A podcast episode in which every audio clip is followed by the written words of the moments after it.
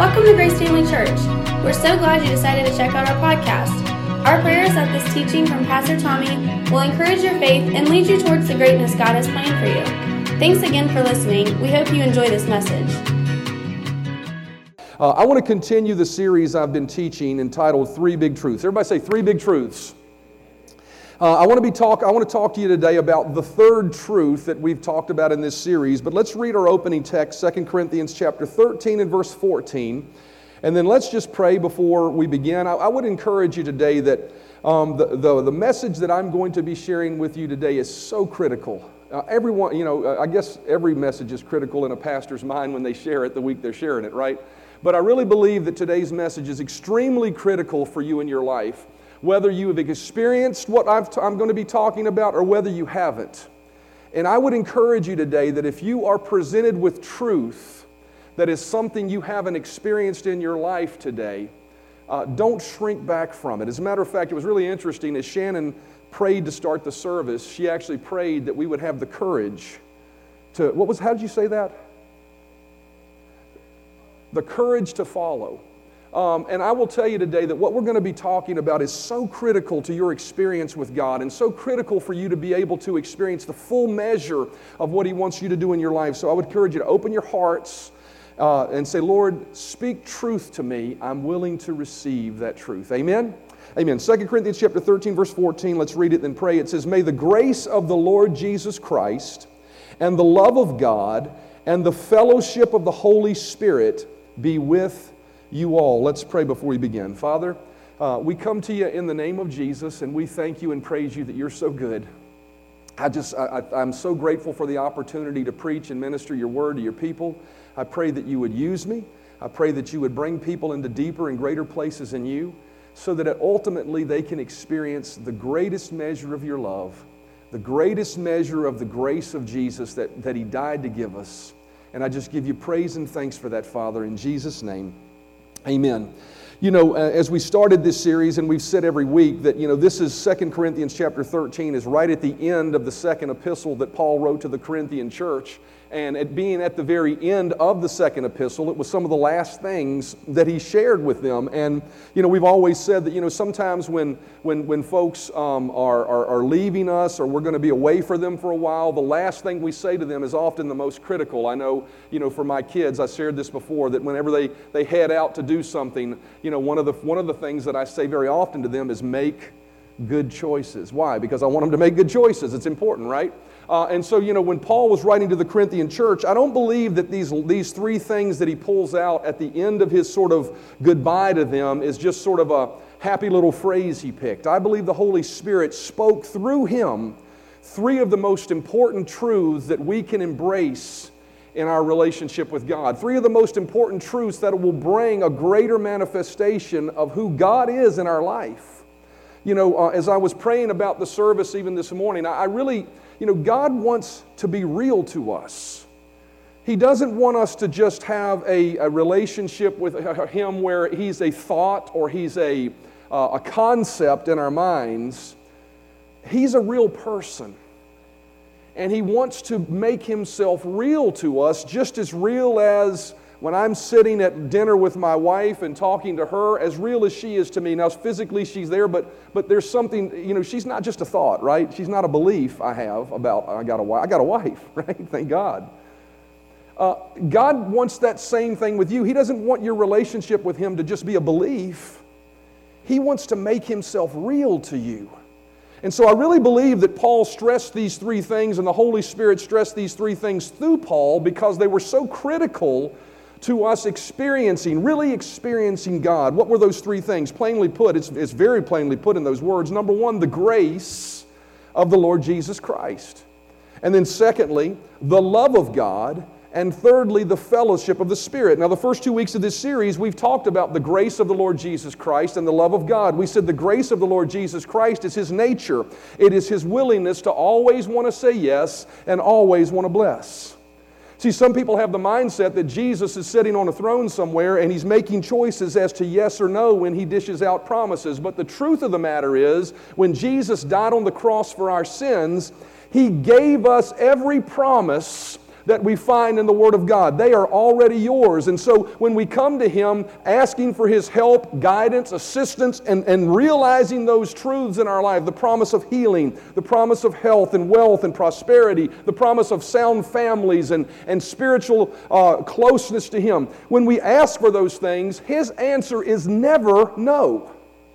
The grace of the Lord Jesus Christ, Paul said, I want you to embrace and have with you at all times this deep seated understanding of the grace of the Lord Jesus Christ. That when He is a part of your life, His answer to any promise He's given you in His Word is always yes. And His position is always wanting to bless. That's his disposition. And then we talked about, you know, the love of God. We said that the love of God was, was something that God wanted to manifest to us as well. We said it's critical for us to experience God. Uh, uh, if, if we want to experience the fullness of God, then we need to really understand that He loves us. And we pointed out that love was so much different than a natural love. We said, first of all, it was a pursuing love. One of the things Paul wanted us to embrace about God was is you're not chasing him, he's chasing you. So many people, you know, they see their relationship with God as sort of climbing a ladder and trying to get to that next brass, you know, ring, you know, to get to what God has for them as if God is withholding. But the truth of the matter is, is the Bible says that when we were yet sinners, Christ died for us. He is coming running after us. God is chasing us down. That's why the Bible says, Surely goodness and mercy shall follow me all the days of my life. Why? Because God is constantly trying to just chase us down and overtake us with blessings. The love of God is just that strong. The Bible tells us, as we read in one portion of Scripture, that if, God, if we know how to give good gifts to our children, how much more shall our Heavenly Father? And so the love of God is not only pursuing, but it's very much the love of a, of a good Father that says, you know what, if a good father would bless them this way, then certainly God will do it even more. Amen? Amen. So today I want to talk to you about this third truth, and it's the truth of the fellowship of the Holy Spirit. Everybody say, fellowship of the Holy Spirit. Now, I will tell you this up front, and I'll, I'll validate this as we move through forward uh, with this. But in order for you to experience the full measure of God's grace and His love, and what do we say the full, measure of that, right? It's the experience of it. It's the grace of God bringing to you every promise that God has ever said you could have, and actually manifesting in your life. And the love of God, experiencing that love, blessing you and helping you and filling your life with His goodness and His presence and all the things that, that make up who God is. In order to experience that in its fullness, the grace and love of God, you have to understand and embrace this third truth. If you do not embrace and understand this full truth, you will fall short of God's best for your life. 2 Corinthians chapter 13 and verse 14 says, May the grace of the Lord Jesus Christ and the love of God and the fellowship of the Holy Spirit be with you all. This third truth that Paul wanted us to embrace, and really the Holy Spirit wanted us to embrace, was what? The truth of the fellowship of the Holy Spirit. Now, what does that mean, the fellowship of the Holy Spirit? That sounds very religious, very doctrinal.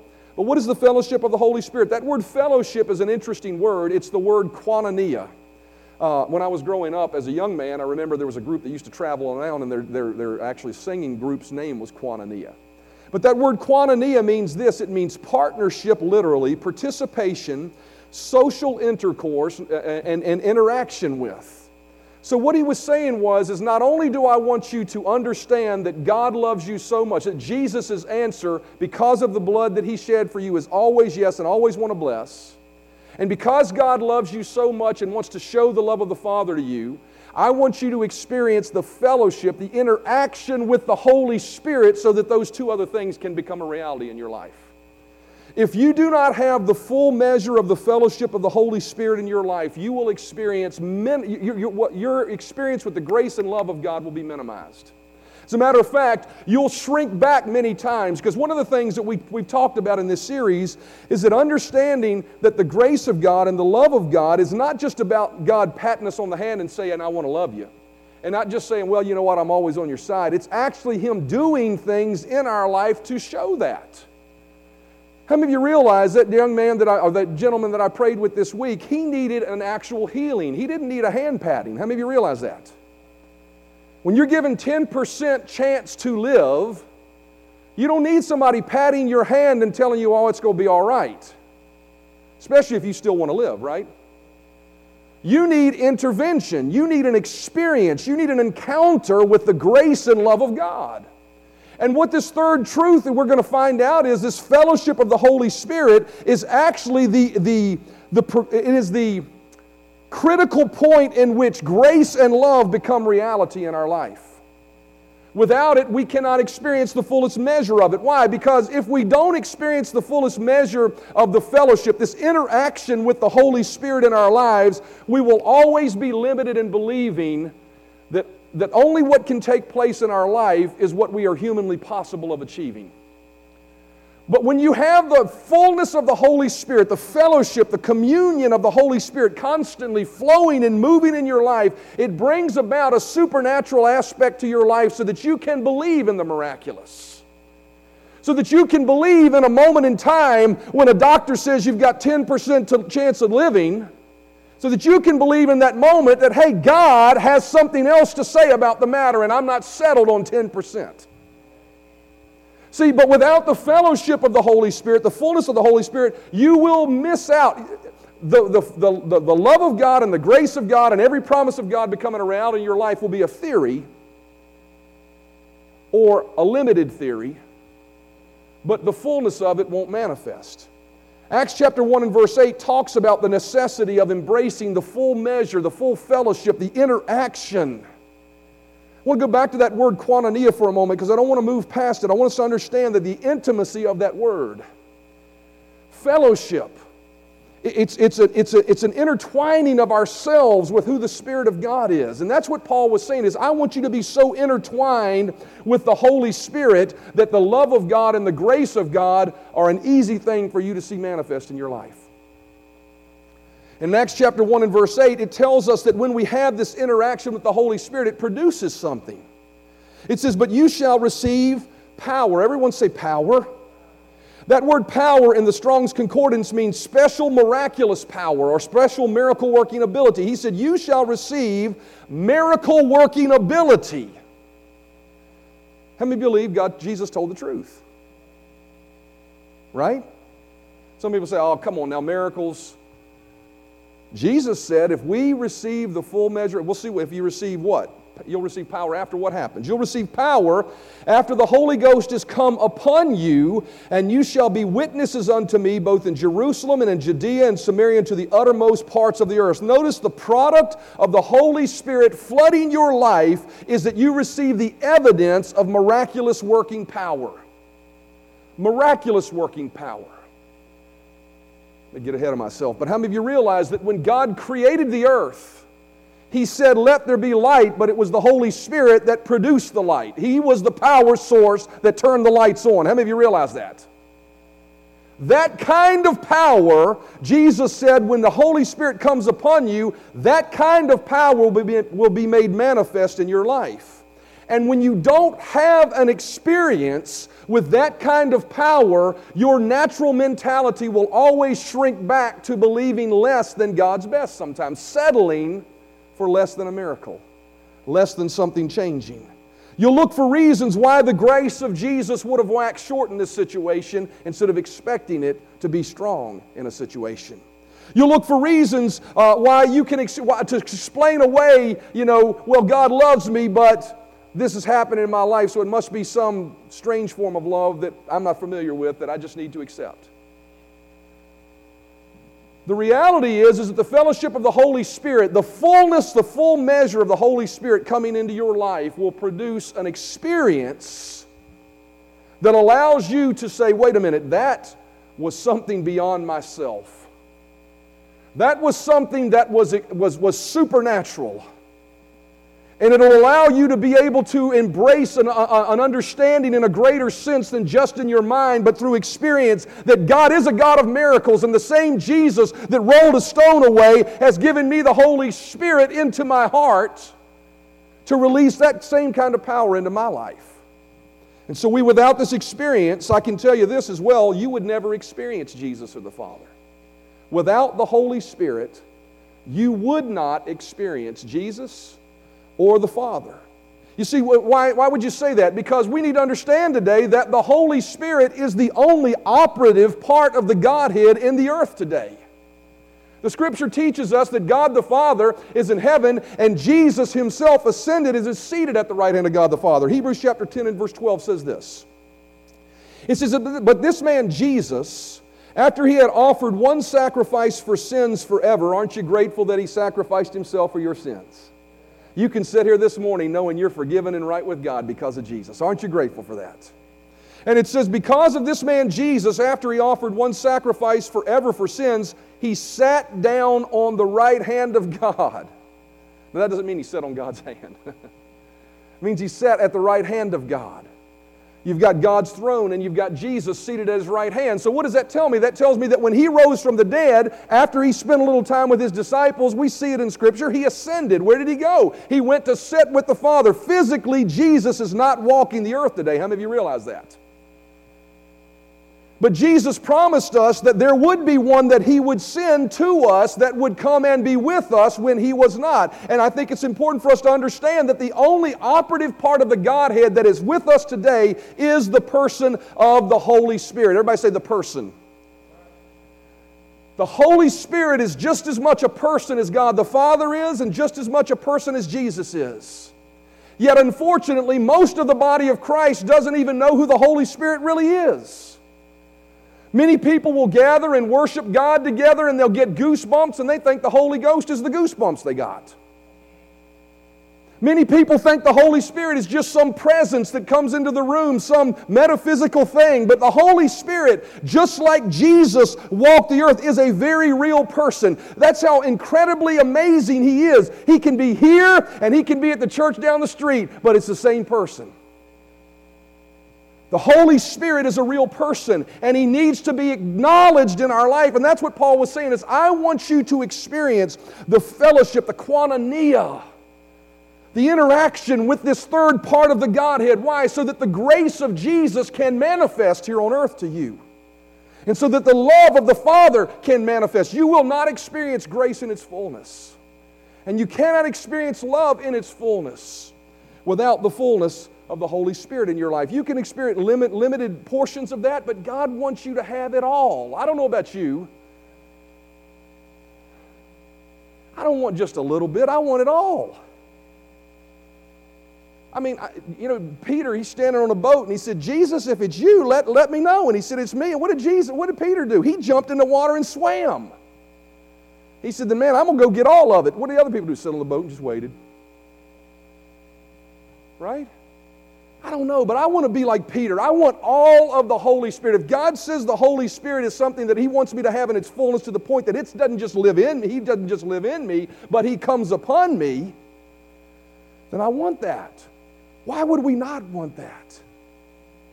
Why would we not want full measures of that? John chapter 16, verse 7, it says this It says, Nevertheless, I tell you the truth, it is expedient or it's important for you that I go away. I always am amazed at that statement that Jesus made. You know, we always, you know, how many, how many realize we need Jesus? How many realize that's true, right? If you say you need Jesus, you're saying you need the Holy Spirit just as much as you say you need Jesus because they're all one, right? They're not one individual, but they're all one in purpose and, and heart. But Jesus said something very unique about the individuality of the two of them. He said, Nevertheless, I tell you the truth, it's important for you that I go away. He says, It's critical for you that I don't stay here with you. And yet, many people, you know, all they know is Jesus. For if I go not away, the Comforter, which is the Holy Ghost, it tells us in John 14, verse 26, he will not come unto you, but I, if I depart, I will send him to you. So he said, It's more important for me to leave so that you can have this individual, so that you can have the Holy Spirit. And when he has come, dot, dot, dot, it talks about all the things he will do. And one of the things it talks about he will do is really interesting. In John chapter 16 and verse 13, it says this It says, Howbeit, when he, the Spirit of truth, is come, he will guide you into all truth. For he, for what, for he shall not speak of himself, but whatsoever he shall hear, he shall speak that shall he speak, and he will show you things to come. So notice what it says is the Holy Spirit is not going to, you know, just blab about himself. He's going to ex- come into your life and he's going to help you experience the fuller measures of Jesus and God the Father, right? He's going to help you experience the fuller measures of the grace of the Lord Jesus Christ and the love of God. And so it says He will guide you, and it's really interesting. You know, I actually ran back out to my truck and climbed in my truck for a minute to get a moment away because I, I just felt the Holy Spirit. I added this verse to this message this morning because he, I felt like the Holy Spirit was telling me, the person of the Holy Spirit was telling me, go look at that word into and go look at that word show in that verse. And I want you to notice what the Holy Spirit is here to do. That word into is actually an interesting word. As I looked it up in the original uh, Aramaic or Greek, it says uh, that word into means into the realm of, amongst the truth, uh, of the condition in which something is uh, in, some, in which something operates. So, what he's saying there is, he says, when the Holy Spirit has come, see, a lot of people think that means he'll lead you into understanding what truth is, right? And that's true, he'll do that. But one of the things he'll do is he'll lead you into an experience of the truth. When you have the full measure of the Holy Spirit, you move into a deeper understanding of what the truth is about the love of God. See, we can say God loves you all day long, but when the Holy Spirit Himself shows up and spiritually and, and, and even almost physically wraps His loving arms around you and fills you to overflowing, there is a moment where you walk out of that and you're like, I can't put that even in words. Can't even put it in words, but I've experienced something greater than myself, and I know there's a God that's greater than my problems. I know there's a God that's greater than my sickness or my challenges. See, he'll lead you into truth, and He says he'll show you. He'll show you. And I've, always read that as prophetically, he'll show you things to come, like he's going to show you what's going to happen tomorrow. But what Jesus was saying was, he's going to show you what I've been telling you about that's going to happen in the future. He's going to actually make it real. He's actually going to manifest in your life all the things I've been talking about that I'm going to give you.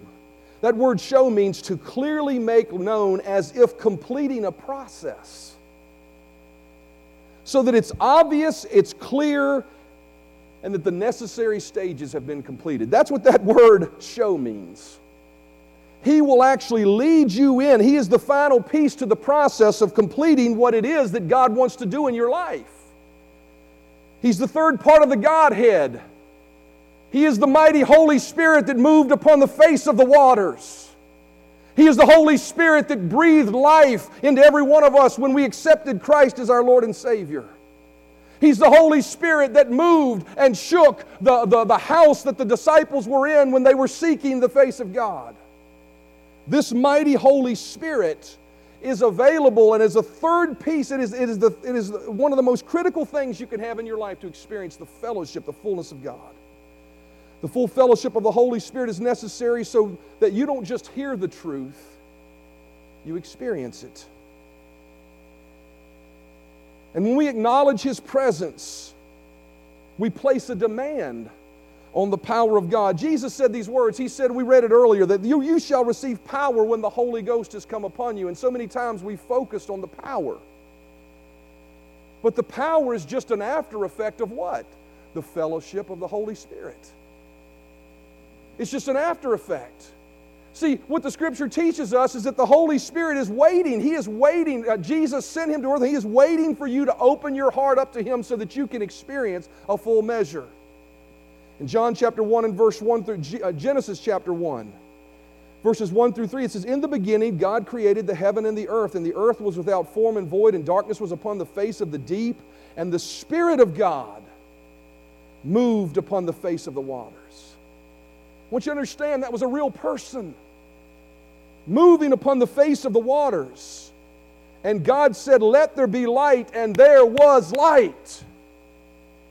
See, the Holy Spirit is moving and, and brooding and moving in every area of your life, just like He was moving upon the face of the waters. But what is He waiting for? He is waiting for an open door to be able to bring entrance of what God wants in our lives into our lives.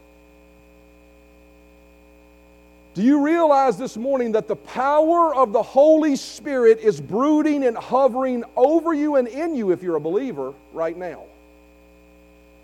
Waiting to manifest a fuller measure of the grace and love of the Lord Jesus Christ. Matthew chapter 18 says, For where two are gathered in my name, I am there in the midst of them. How many of you realize Jesus seated at the right hand God the Father? What did he mean? The one that is 100% one with me, the Holy Spirit, is there in the midst of you to manifest what? My grace, my power, my love. He's simply waiting, hoping we wouldn't be of the group of people that would rule away the fuller manifestations of the Holy Spirit. That we'd be of the group of people that embrace that there is a supernatural God that desires to interact with me supernaturally. See, Jesus said these words, and I don't have that verse, but Jesus said in John chapter 4, He says that he that worships me must worship me in spirit and in truth. Why? Because God is a spirit. So many times we try to intellectually approach God, we try to understand God through our mental capacity.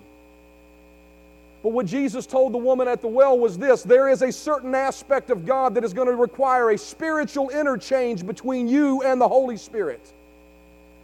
There is going to require something that is beyond your mentality for you to experience a fullness, the fellowship, the koinonia, the interaction with the Holy Spirit in your life. Acts chapter 1, verses 4, 5, and 8 tell us and show us what happens when that interaction, when that Holy Spirit, when that fellowship begins to take place in our life in its fullness.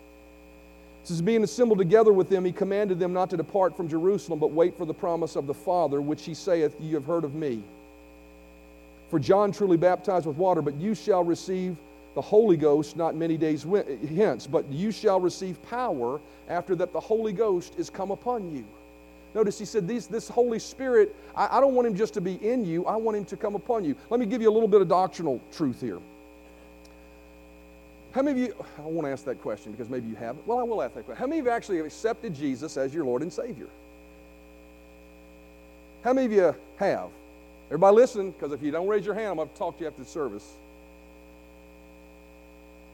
If you've accepted Jesus Christ as your Lord and Savior, the moment you accepted Jesus as your Lord and Savior, the Holy Spirit came to live in you. And as we read this verse in Acts chapter 1, just a chapter back in John chapter and John, Jesus actually those, those people saw Jesus resurrect from the dead. It says he breathed on them and said, Receive the Holy Spirit. So he had to be talking about something different than what he did there because he told the very same disciples, Go to Jerusalem and get more of the Holy Spirit, a different aspect of the Holy Spirit. They had, so when you get born again, the Holy Spirit comes to live inside of you, but God doesn't want Him just tucked away in a little corner of your house somewhere. He wants you filled to overflowing with His presence so that everywhere you go and everything you do, you are fellowshipping, you are koinoniaing with Him. He wants you interacting with Him. In Acts chapter 1, so much so, Jesus said to those disciples, You need to go get a fuller measure than what I breathed on you back there in John chapter 20 whatever the chapter was. You need a fuller measure. And we see this to be true. The early disciples recognized the need for us to have more than just being born again and acknowledging Jesus and the Spirit coming in us. And I don't mean to diminish that. My God, I don't mean to diminish that. How many of you realize without that, you don't get to heaven? That's critical.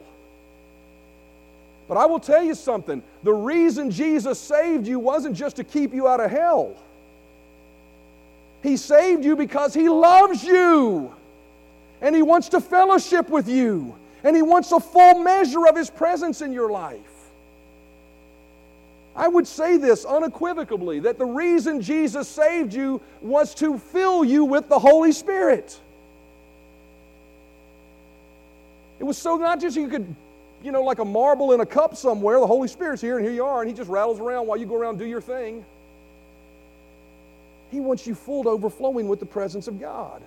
We see this, the early disciples recognized it. In Acts chapter 8, Philip went down to Samaria. I'll summarize a little bit. Philip went down to Samaria. The Bible says he preached Christ unto them, and they believed and were baptized what, what, what uh, Philip did, did and preached. Jesus said, If you believe and you are baptized, you shall be saved. Didn't he say that? So at that moment, when Philip went down and preached Christ to them, they were saved. And yet, here in Acts chapter 8, we see the disciples recognize they needed something more than just being saved. Acts chapter 8 and verse 14 says, Now when the apostles who were at Jerusalem heard that Samaria had received the word of God, they sent Peter and John to them. who, when they had come down, prayed for them that they might receive the Holy Spirit. For notice this, for as yet he had fallen upon none of them. They had only been baptized in the name of the Lord Jesus Christ, and they laid hands on them and they received the Holy Spirit. So we had this scenario. People got born again, Holy Spirit came to live in them, but he hadn't fallen on them yet. They hadn't gotten filled to overflowing, they hadn't experienced the full measure of the Holy Spirit yet. So the disciples recognized we got to get Peter and John down there. So I'm telling you this morning, I'm, I'm, bringing this to your attention this morning so you will understand something. If you are born again and you have never been filled with the Holy Spirit, you've never had a, a dynamic moment where you knew that took place, there is something extra God wants to do in your life this morning. There is something extra He wants to bring into your life. Why? So that you can experience the fullness of the grace of God, so that you can go forth from this place embracing in greater measure that God's answer to me is always yes and always want to bless. That there's no mountain too large for me that I can't trust that the power of God that lives in me can help me overcome. Amen. They laid their hands on them and they received the Holy Spirit. Paul recognized this very same need. We don't see this just one time in Scripture. We see this as example laid out for us over and over and over again in the book of Acts. People get born again, and after they get born again, they get filled to overflowing with the Holy Spirit so they can have a full measure of the Holy Spirit in their life. Acts chapter 19 and verse 1, it says, And it came to pass while they while that while at while Apollos was at Corinth, Paul, having passed through the upper coast, came to Ephesus, and finding certain disciples, he said unto them, Have you received the Holy Ghost since you believed? The most important question, the first question that Paul asked these folks was you're believers, or he thought they were. If you read through it, he had to qualify that even further. But for the intents of this today, the first question he asked was, Are you, you know, you're a believer? I think you're a believer. Have you received the fullness of the Holy Spirit? Must have been important. And they said unto him, We have not so much as heard whether there be any Holy Ghost. I tell you, a lot of people are in that boat today. They, they've heard of the Spirit of the Holy Ghost, but they don't know who he is really. And it says in verse 6 then, Paul, you know, after he did a number of things to help them understand what it meant to be born again and baptized them, then it says, then he laid his hands on them and, and prayed uh, uh for them, and the Holy Ghost came on them, and they spake with other tongues and prophesied. Filled with the Holy Ghost to the point that they were so full of who he was that they couldn't even humanly express their heart to God, so a heavenly language came rolling out of their hearts. An unknown tongue, something they didn't understand. See, some people would even look at that and say, well, that's weird now, Pastor, but I, it's in the Bible. Amen? I'm telling you this morning, if you've never experienced that, you are stopping short of what God has for you. Doesn't mean you're a bad person, just means you can be a better you than you can be right now if you get filled. I've always said this I ain't no better than anybody else in the body of Christ who hasn't been filled with the Holy Spirit and spoken in other tongues. But I, I can tell you this I am a better me because I have. The first thing he asked these people in Ephesus was, Had you, have you, the first thing he asked, so the last thing he told the Corinthians, the first thing he told the folks in Ephesus is, Have you received the Holy Spirit? I want you to receive the fellowship of the Holy Spirit. How many believe Paul thought that was important? Why? The very same reason he said it to the Corinthian church, because he wanted them to have the ultimate, he was just expressing the heart of God. He wanted them to have the fullest measure of God's love and grace of Jesus in their life. That word fellowship, what did we say it mean? Uh, the fellowship of the Holy Spirit, close, intimate union and interaction. Notice that phrase, he says that the Holy Spirit came upon them. That word came upon them means to embrace, to wrap around, to envelop, to rest upon. Very similar to fellowship, doesn't it sound like? So the reality, of the personhood of God could touch them. So when the Holy Spirit comes upon you, it does equip you for ministry, it does equip you with power, but the reality is, is that's just a side effect. How many of you realize when Jesus went away, the Bible tells us that the Holy Spirit came upon him and he went into the wilderness? How many of you realize he wasn't going into the wilderness looking for power? How many of you realize that? You may not. He was going into the wilderness because the Spirit led him there. Why? Because he wanted to do fellowship with the Spirit. He wanted to fellowship with the Spirit. And the scripture tells us in, in, the, in Luke, it says, in Jesus returned uh, uh, in the power of the Spirit into Galilee, and there went about fame of, of him throughout the around about, there went out fame of, of him throughout all the regions round about. I'm getting so excited I can't read. It says Jesus returned in the power of the Spirit. Why did he return in the power of the Spirit? Because he got himself away and received the full measure of the Spirit in his life. He spent time, quality time, fellowshipping and, and, and, and interacting with him. And it empowered him. This helps us uh, gain really greater understanding of what Paul was saying when he said he wanted us to experience the fellowship of the Spirit. He wanted us to experience God in a very real way and not just hear about God in a very personal way. He wanted us to hear, experience it. So that when we walked out of that place of experience, we could truly say, I, I, don't, I don't just think what I believe, I know what I believe. Amen? Amen. 1 Corinthians, chapter. and so our faith would not stand in the power of men. You realize God doesn't want your faith this morning to stand in the, the great arguments of the great preachers you've listened to in your life? He wants your faith to stand in something you've actually experienced with Him. It's true. Certainly wants it to be founded upon the Word of God. Anytime an experience doesn't line up with the Word of God, you got to go with the Word of God. Amen. But we read here in 1 Corinthians chapter 2, as, as Paul was approaching the Corinthians, before he said 1 Corinthians, you know, chapter 2 Corinthians chapter 13, he said, I'm coming to you because I want you to understand something. Notice this. It says, And my speech and my preaching was not with enticing words of man's wisdom, but in demonstration of the Spirit and of power. Notice why. This is a powerful, powerful statement that your faith should not stand in the wisdom of men, but in the power of God. Listen to me. God does not want you believing in Him because somebody convinced you through a great argument that you should believe in Him. Thank God for the Word of God. The gospel needs to be preached, but that gospel needs to seep down into our heart to the point that we believe it, and then that, through that believing, we step out on it, and through stepping out on it, what happens? An experience with God takes place where we truly experience in Him. He says, I want your faith to stand in the demonstration and power of what you believe. What, what, what, am I trying to get to, man? Why am I still hammering at this this morning instead of letting y'all go eat lunch? Which you're welcome if you need to leave. Let me tell you why I'm still hammering because I refuse to pretend church. I refuse to preach philosophy that doesn't manifest. I refuse to settle for something less than an experience. That's what Paul was saying. I will stand and I will proclaim the Word of God all day long, but I will tell you something. I will not relinquish my belief that that Word should be a reality in my life. And that's what Paul was saying the grace of the Lord Jesus Christ, the love of the Father, let it be with you to the end that the fellowship, the interaction of the Holy Spirit manifests in such a way that you have an experience with God. Acts chapter 2 says, When they were all with one accord in one place, and suddenly there came a sound from heaven as of a rushing mighty wind, and it filled all the house where they were sitting.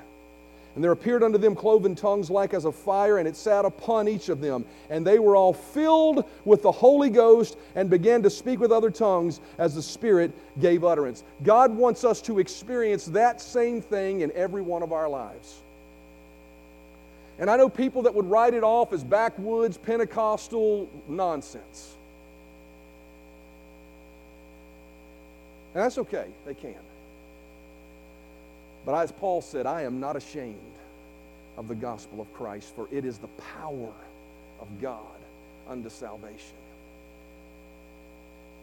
I don't want to be the preacher that somebody calls that asks me to pat somebody's hand as we bury them, although that happens at times.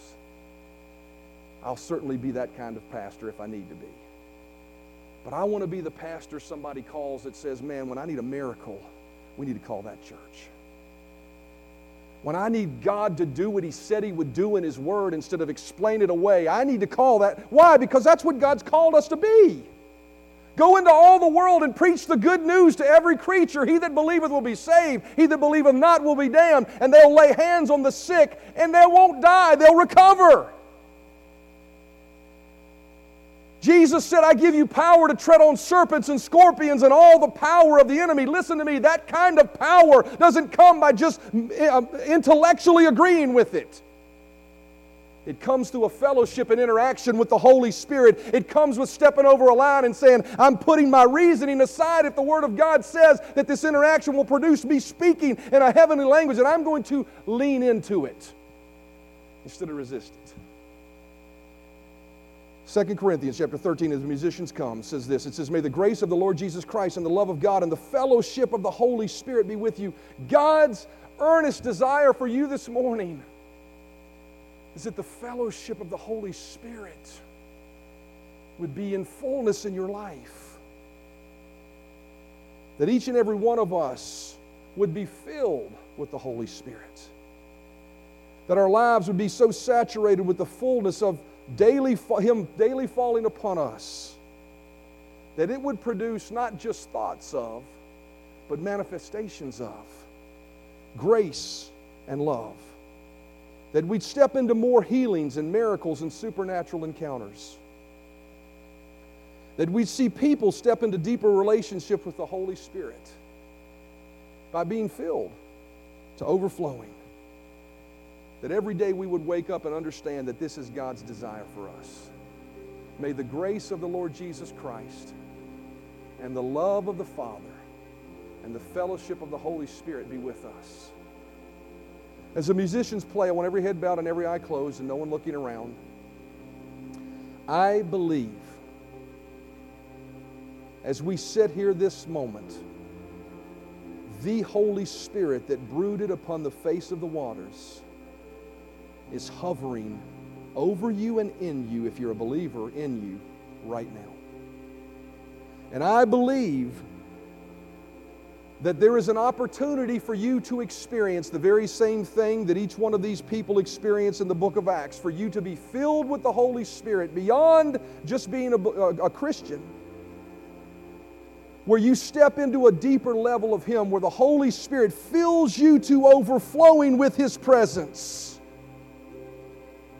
There may be some here this morning that initially have never experienced that, but you see clearly and you sense, even on the inside of you, even now, a stirring of the Holy Spirit saying, Yes, this is for you.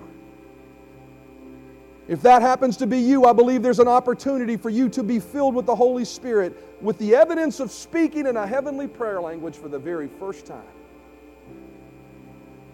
But maybe you're sitting here this morning, you've already been filled with the Holy Spirit. You've had that experience at some point in your life. Ephesians tells us to be filled with the Holy Spirit. To believers, he says you need to be filled.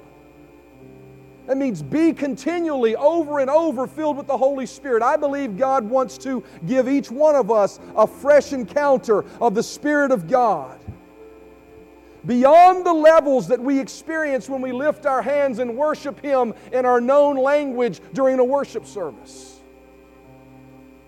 Beyond those levels. I got to tell you, we've had some pretty high times worshiping God. When we walk out and like, whoa, man, that was awesome. I can tell you, God can take it to another level by you just succumbing to the Spirit of God moving and stirring on the inside of you. Thanks for listening to our Grace Family Church podcast. We hope you enjoyed this message. If this ministry has blessed you in any way, we would love for you to get connected. Just go to gfcva.info for more information about who we are, how to give to this ministry, or how you can get involved. Thanks again for listening, and we hope to see you soon.